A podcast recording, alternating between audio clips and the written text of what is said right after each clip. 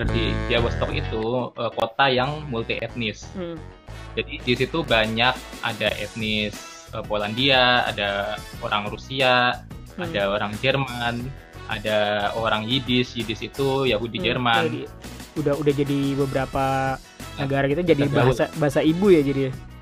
kayak bahasa ah, jadi ada beberapa kasus di mana huh? kayak uh, misalkan ada cewek dari negara mana itu yeah. cowoknya dari negara mana yeah. nah itu mereka ketemu di kayak acara Esperanto gitu terus cinlok Oh. Cinlok, akhirnya mereka menikah.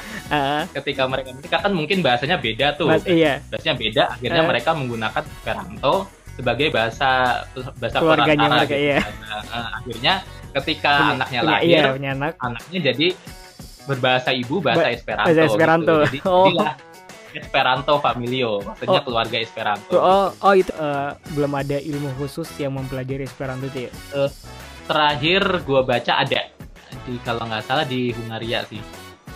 Oke. Okay. Jadi mereka itu riset uh, sekelompok ada mereka bikin dua kelompok orang Yeah. Kelompok pertama itu belajar bahasa uh, itu mereka bukan maksudnya belajar bahasa Perancis. Mereka itu bukan orang Perancis ya, bukan yeah. orang yang pernah kayak menyentuh bahasa Perancis itu sama sekali. Jadi okay. kelompok pertama itu orang belajar bahasa Perancis empat tahun intensif. Yeah. Kelompok kedua belajar bahasa Esperanto satu tahun intensif. Kemudian dilanjut belajar bahasa Perancis tiga tahun intensif. Di akhir penelitian didapat hasil bahwa kelompok dua yang belajar Esperanto dulu bahasa Prancisnya lebih fasih daripada yang belajar bahasa Prancis kelompok A yang belajar bahasa Prancis doang gitu. Oh.